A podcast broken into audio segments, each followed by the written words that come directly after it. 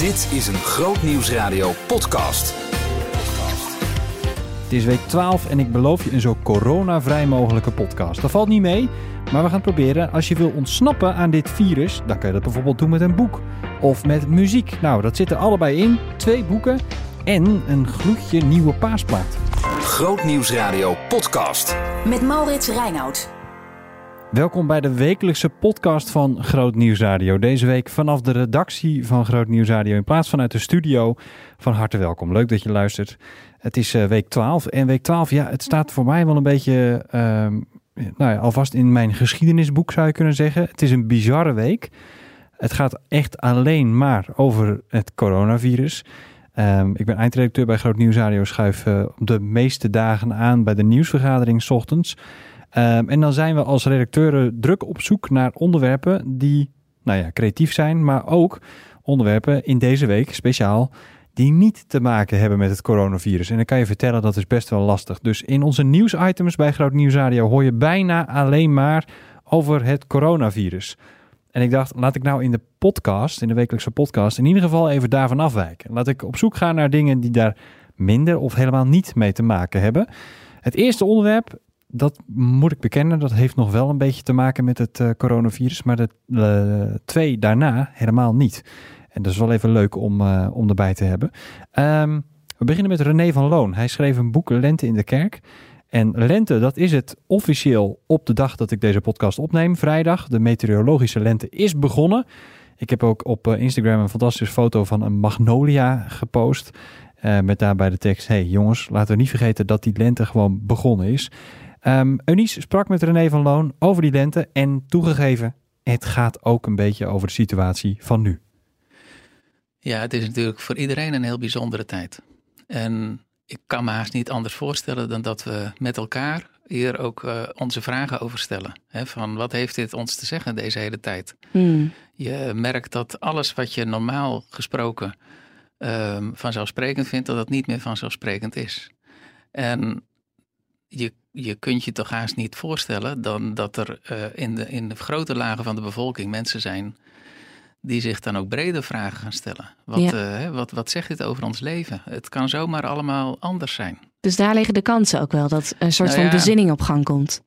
Ja, weet je, kansen, dat klinkt dan misschien zo, gelijk weer zo, zo begeerig, hè, van mm. de, de, kansen. Maar ik, vind het, ik zou het wel heel belangrijk vinden en ook heel mooi als dit ons met elkaar, hè, wat we ook geloven of niet geloven, maar dat het ons met elkaar brengt tot meer bezinning op ons leven. Wat... Uh, ja, waar, waar leven we nou eigenlijk voor? En ja. wat is belangrijk in ons leven? En al die dingen die we normaal allemaal zo belangrijk vinden, die blijken opeens ja, ook uh, niet zo belangrijk te zijn. Of in ieder geval kunnen we zonder. He, opeens uh, blijkt het zo te kunnen zijn dat we wel uh, een, een, schonere lucht kunnen hebben. En opeens kan er van alles wel wat normaal niet kan. En opeens kan er van alles niet wat normaal wel kan. Ja, wat net ook werd gezegd hè, door luisteraar Douwe Jan. Ja. Zie jij ook al kerken die dit inderdaad um, ja, de kansen aanpakken? Inderdaad, ik kan me voorstellen wat je net ook zei, dat klinkt een beetje zo opportunistisch. Ja. Maar doen kerken er al wat mee? Nou, het uh, was mooi eigenlijk om te zien dat in uh, onze gemeente, dat er een aantal jonge mensen gelijk uh, de wijk introkken en briefjes door de bus deden om mensen aan te bieden van hè, als, als je hulp nodig hebt, bel ons. En daar werd ook gelijk op gereageerd. Ook een, een, columnist van het Algemeen Dagblad had zo'n briefje in zijn bus gehad. Oh, ja. En schreef daar gelijk ook over in zijn column.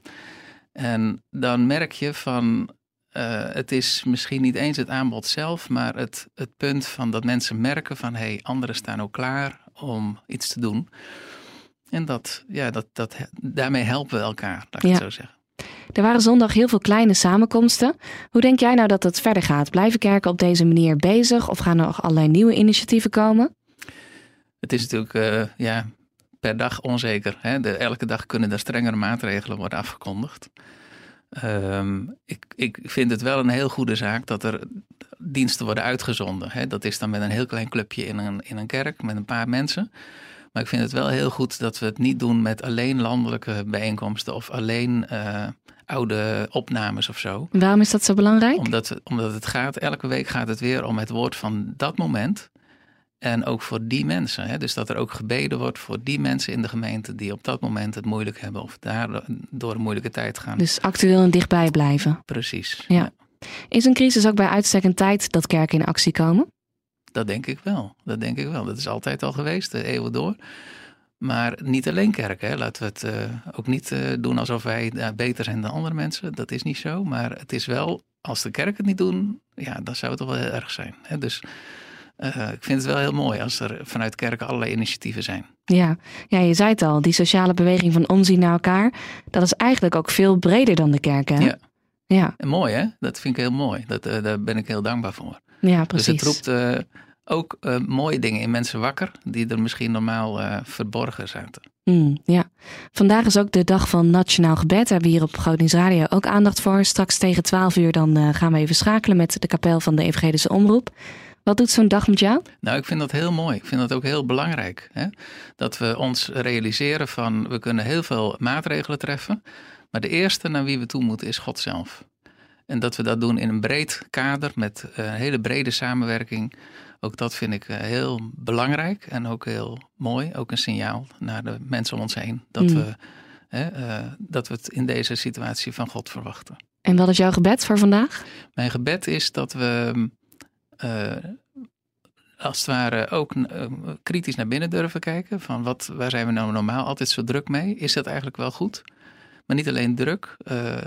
deze crisis heeft natuurlijk ook te maken met onze levensstijl. Het feit dat zo'n virus zo snel over de wereld zich verspreidt, heeft ook te maken met het eindeloze reizen en slepen met spullen en noem het allemaal maar op. Dus een stukje naar binnen gerichtheid. Maar tegelijkertijd dat we God danken dat we mogen leven. He, dus ook een stuk dankbaarheid.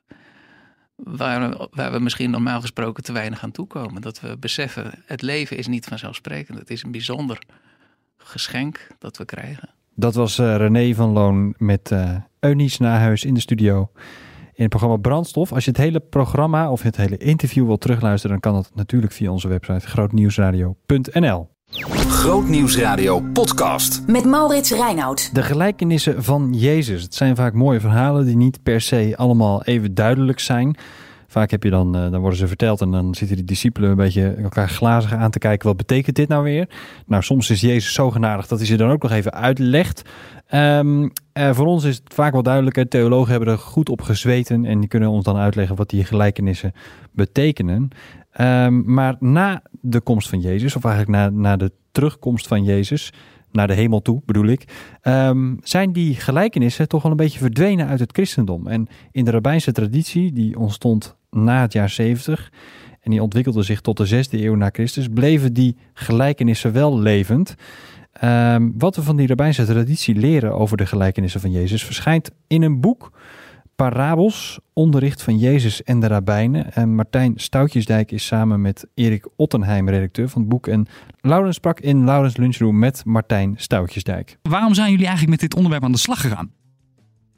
Um, ja, dat heeft er alles mee te maken dat um, heel veel mensen natuurlijk absoluut weten dat Jezus uh, gelijkenissen vertelt. Dat is voor hem ook een heel belangrijk middel in zijn prediking. Het is ongeveer 35% van wat hij vertelt, dat zijn gelijkenissen. Wat heel weinig mensen weten, is dat Jezus dus niet alleen was in het vertellen van gelijkenissen. Dat deden dus heel veel anderen met hem.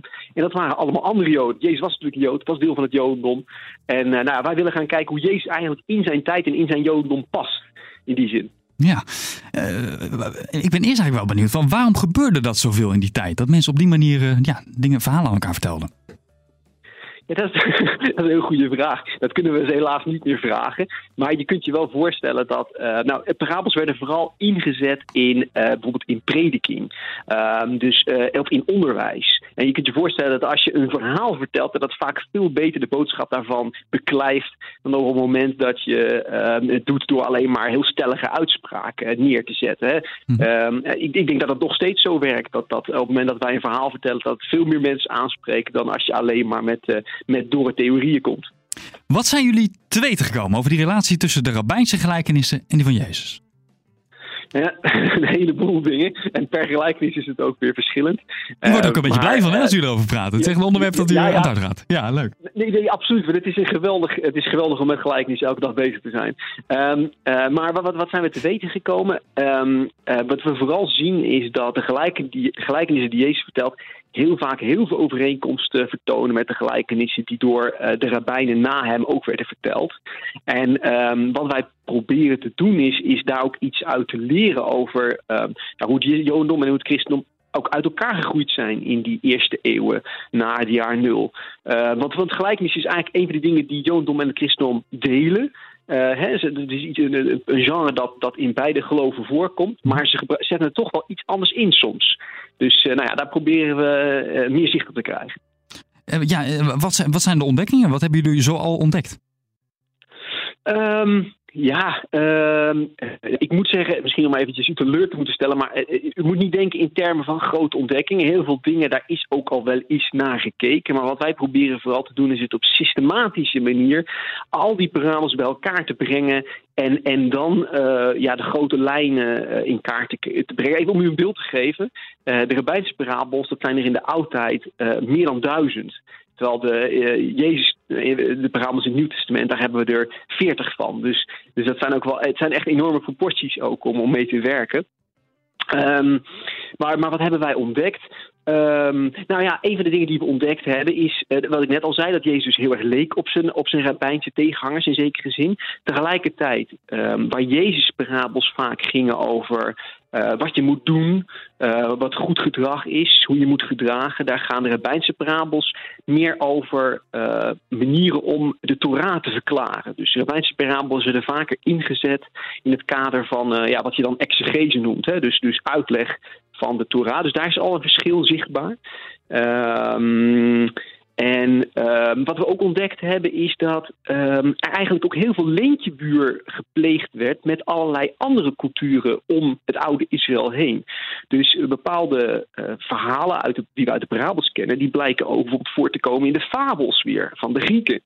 Uh, uh, of daar heb je bijvoorbeeld Indiaanse tegenhangers van. Oh ja, dus dat dus het helemaal op invloed. Dat het echt ja, dat het dus echt een wereld was die heel erg met elkaar in contact stond. Dat die verhalen konden reizen. En dat die dan um, ja, door allerlei mensen, of dat nou Jezus waren of de rabbijnen, maar dat ze werden, werden opgepakt, die verhalen, dan toegepast werden voor een eigen doeleinde. En dat is ook wel, het geeft ook wel een uniek inkijkje in die wereld natuurlijk. Jullie hebben dus hier een, een heel boek over geschreven. Is het heel theologisch, ja. het boek, of is het ja, door iedereen wel goed te lezen? Volgens mij is, het, is er voor iedereen wel wat in te vinden. Dus uh, voor de mensen die theologisch geïnteresseerd zijn, is het absoluut heel relevant. Het gaat over hoe je de gelijkenissen moet interpreteren, of wat er andere perspectieven zijn op de gelijkenissen. Maar mensen die misschien meer geïnteresseerd zijn in de geschiedenis van de gelijkenissen, of gewoon eens willen zien hoe een rabbijnse parabel eruit ziet, nou, die kunnen ook in het boek terecht. Dus het is voor iedereen, iedereen wat. Jullie hebben dus een hele hoop gelijkenissen onderzocht de afgelopen zes ja. jaar. Welke gelijkenis ja. vindt u nou echt passen bij de tijd waarin we nu zitten, de coronacrisis? Ja, daar heb ik wel even over na moeten denken. Maar ik heb een rabbijnse parabel voor u die wel heel aardig is. Die rabbijnse ja. parabel gaat als volgt. Um, uh, een reiziger is op pad en komt drie gevaarlijke beesten tegen. En elke keer als hij het ene beest gepasseerd is, dan uh, is hij, en, en hij komt bij het volgende gevaarlijke beest, dan vergeet hij eigenlijk het gevaar dat achter hem lag. En zo gaat dat drie keer toe, dat hij steeds dus vergeet het gevaar dat achter hem lag. En het, de moraal van dit rabbijnse verhaal is dat uh, je de problemen achter je, die vergeet je altijd als er nieuwe problemen opdoemen. En ik dacht, nou, misschien is dat wel een relativerende gedachte in de tijd van coronavirussen. Dat ja, we ons nu heel erg druk maken over het virus, maar dat we in de toekomst, als er weer zich andere uitdagingen voordoen, dat we het dan uh, al heel gauw weer vergeten zijn waarschijnlijk. Ja, het boek dus Parabels onderricht van Jezus en de Rabbijnen. Je kunt het uh, trouwens krijgen bij ons, uh, grootnieuwsradio.nl slash winkel. Grootnieuwsradio podcast. Met Maurits Reinoud. Woensdag was de Nationale Dag van Gebed. Uh, dat was wel een uh, bijzondere dag bij Groot Nieuwsradio, omdat we een uh, directe lijn hadden met de EO-kapel in Hilversum, in het EO-gebouw. Vandaar werden uitzendingen gemaakt, of eigenlijk een livestream, de hele dag. met daarop vier gebedsmomenten. Om negen uur begon dat en ik viel toen in voor Tim in Blessings. En dat begon meteen eigenlijk met een kwartier lang of twintig minuten lang gebed. Um, en interview en muziek. Um, dus dat was al bijzonder. In backstage, smiddags, was dat ook zo. En vlak na dat gebedsmoment uh, uh, moest er nog even gebeld worden met Sela. Want Sela heeft een nieuwe paasplaat. Luister maar. Ik kan me voorstellen dat jullie deze eigenlijk ergens anders hadden gepland. Ja, nou, dit lied is uh, nou, ons plan was om een paaslied inderdaad uit te brengen. Mhm. Eh, we zitten midden in de, nou ja, we zaten, zo moet ik het zeggen, midden in de paasconcerten. Die zijn nu dan eh gecanceld. Ja. En dit was een nieuw lied wat we speelden tijdens de avonden. En we wilden die ook zo richting Paas eh, het land in sturen. Over het, het, het sterven, lijden, hè, opstanding van Jezus, wat we gedenken. Maar dan ook vooral van hoe is dat om met Jezus te, te sterven, begraven te worden, op te staan. Mhm. Dat we dat ook in de doop eigenlijk beleiden met elkaar. Ja. En daar een lied over te schrijven. En toen, nou ja, in de loop van de tijd kwam natuurlijk de coronacrisis helemaal op. En toen kreeg dat wel in één keer een hele extra lading. Hè, dat we ik leef zingen met elkaar. Mhm. Ten tijde van deze crisis maakt het natuurlijk wel even extra beladen. Ja. Eh, ja. En de- En mag, ja? ja, nee, ga door. Nee, ja, precies. Dus dat, weet je, dat, zo is dat langzaamaan ontstaan. We denken, joh, hé, dat is wel, maar ook wel mooi tegelijkertijd. Hè? Wat, we, wat we proberen te eh, vertellen in het, eh, in het lied is dat, dat afsterven aan jezelf, dat, dat in die eenheid met Jezus, we, we sterven als het ware met hem, we worden begraven, Mhm. is dat loslaten wat we zien bij Jezus. Hij liet alles los aan het kruis. En, eh, en als wij met hem op pad gaan in ons leven, dat bezingen we dan dat we langs Golgotha komen, waar we net als Jezus leren om los te laten. Ja. Misschien is dat wel het sterven waar we dan hè, over zingen. Het afsterven aan jezelf, het loslaten, waardoor je met open handen kan leven en kan ontvangen. En ja, juist in deze tijd is natuurlijk dat heel actueel in één keer. We hebben natuurlijk allemaal dingen om los te laten. Wij moesten in één keer die concerten gaan loslaten. En Ja. eh, veel mensen om ons heen ook. En wij zelf natuurlijk ook. Het- Zoveel consequenties van die, eh, van die crisis. Ja, Eh, want mag ik even vragen, hoe ziet jouw eh, dag er nu uit? Ja. ja, in de agenda stond natuurlijk heel veel van die concerten. Eh, en mijn vrouw is, het zit in het onderwijs. Die is in één keer ook thuis. Maar die moet dan ook wel weer wat lessen eh, digitaal verzorgen voor haar klas. Dus die is thuis. Mijn kinderen zijn thuis. Ik ben thuis. Eh, en ondertussen nou ja, zitten we in het, in het thuisonderwijs. eh, het, eh, onze kinderen maar wat eh, te begeleiden. Ja. En, eh, maar het is in ieder, in ieder geval veel, eh, veel thuis. Ja, En toch wel heel anders dan we hadden gedacht, inderdaad. Ja. Dus, Ja. eh, ja. Eh, voel, je is daar, voel je daar frustratie bij? Of, of eh, heb je ook wel zoiets van, nou oké, dit is dus het lesje loslaten? Nou, frustratie. Ik mis het wel enorm, moet ik zeggen. Ja. En het, het op pad zijn en met die, ja, gewoon zijn we vrienden, weet je. En het is familie en we zijn op pad en we zien elkaar veel en we spelen. We hebben mooie avonden, dat mis ik natuurlijk enorm. Ja. En eh, dat, dat, eh, dat is eerlijk, eh, ja, dat mis ik wel. Ja. En het is inderdaad het loslaten van even verwachtingen. Van hé, hey, eh, we hadden echt wel mooie tijd eh, voor de boeg. En mooie concerten en mooie locaties. En ook het loslaten van, eh, ja, en nu dan? Hè, wat, ja, hoe ziet het er nou uit? Hoe lang gaat dit duren? Eh, er zijn wel heel veel dingen om even los te laten. Dus controle hè, die je ook moet loslaten in één keer. Ja. Ja. eh, je kan het niet controleren. Nee, en, tegelijkertijd is er voor allebei natuurlijk ook eh, ruimte. Je mag en gefrustreerd en eh, teleurgesteld en, eh, Ja. en, en ja, toch ook Ja. loslatend zijn. Hey, nog één vraag, Ja. hè, want er is een videoclip bij eh, dit nieuwe lied, Ja. ik, ik Leef. Is Ja. dit last minute eh, gemaakt of hadden jullie de, de, die videoclip al lang en breed eh, op de plank liggen? Nee, nee, we waren vorige week donderdag in Amersfoort. En toen hebben we dus in de middag dit opgenomen. Mhm. En terwijl we dit, dit aan het filmen waren, hoorden we dus eh, van... Er was die persconferentie toen. Van Ja. alles boven de 100 man eh, zou gecanceld worden. Ja. Dus eh, op een gegeven moment... Ja, vanavond gaat het niet door, dames en heren. Oké, opname in 3, 2... verder. Het is zo'n heel bizar moment. Zo van, hè? Maar wacht even. En, en ondertussen gingen we die videoclip opnemen. En was het s'avonds, dat concert ging niet meer door. Eh, dus we hebben dit echt last minute nog eh, op de rand maar, opgenomen. Ja. En toen wisten we ook, nou, dit is het laatste wat we dan nu eh, waarschijnlijk gaan doen. Ja. voor deze tour, voor deze periode. En we hebben toen nog gegeten met elkaar in de kerk, waar we dan zouden spelen. Alles was weer afgebroken door het geluidsteam die alles neergezet. Ja. Alles moest weer afgebroken worden. En we zijn naar huis gegaan. En nou ja, nu, het werd natuurlijk steeds eh, extremer en groter en de maatregelen steeds heftiger. Mhm. Eh, maar dit hebben we inderdaad die donderdagmiddag eh, nog opge- opgenomen. Ja. Maar ook wel mooi, dat was een soort van boodschap nog. Hè, dat ik leef, om dat met elkaar te zingen. Van, ook al moeten we nu van alles loslaten. Nou, ik vind het ook wel weer mooi dat we dit dan nog wel het land in kunnen sturen. Van, ah ja, laten we kijken, met Pasen vooral ook dat vieren van... Jezus liet alles los, maar we zien juist dat daardoorheen nieuw leven kwam. En eh, ja, nu ook, weet je, als wij dingen loslaten. Ja, misschien wel de grote les om met open handen te, te leven en te kijken wat mogen we weer ontvangen nu. En misschien is het wel heel iets anders dan we verwachten. Of misschien moeten we wel hele heftige dingen loslaten. Ja. Maar eh, ja, dat is niet makkelijk. Maar misschien is, komt daar doorheen wel iets moois in één keer. Ja, ik weet het ook niet. Nee. Maar dat is wel de hoop waar we aan vasthouden. Nou. Van wat er ook gebeurt, weet je wel, dat. Laten we Ik die het hoop, eh, die hoop Ja. eh, vasthouden inderdaad. Dat er door Ja. alles iets moois gebeurt. Wij gaan luisteren naar de nieuwe single van eh Cela. Peter Dijkstra, dank voor je toelichting. En eh, ja, veel succes. En, en ook heel veel plezier eh, ondertussen gewoon thuis met eh, je gezin. En ik hoop voor je dat er eh, toch ook weer heel snel muziek gemaakt mag worden.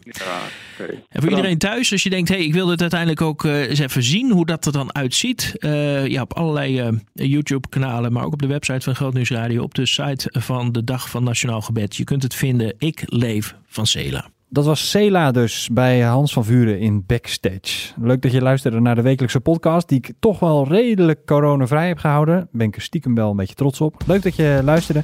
Hey, als je volgende week automatisch deze podcast eh, op je telefoon bijvoorbeeld wil hebben, dan moet je je gewoon even abonneren op dit kanaal. Dat is heel simpel. Gewoon even op abonneren klikken. Kan via Spotify, iTunes, Soundcloud of eh, de website van Groot Nieuws Radio. Maakt mij allemaal niet uit hoe je luistert. Als je maar luistert. Hey, eh, stay safe. Bedenk anderhalve meter afstand. niezen in je elleboog. En tot volgende week. Behoefte aan meer? Grootnieuwsradio.nl slash podcast.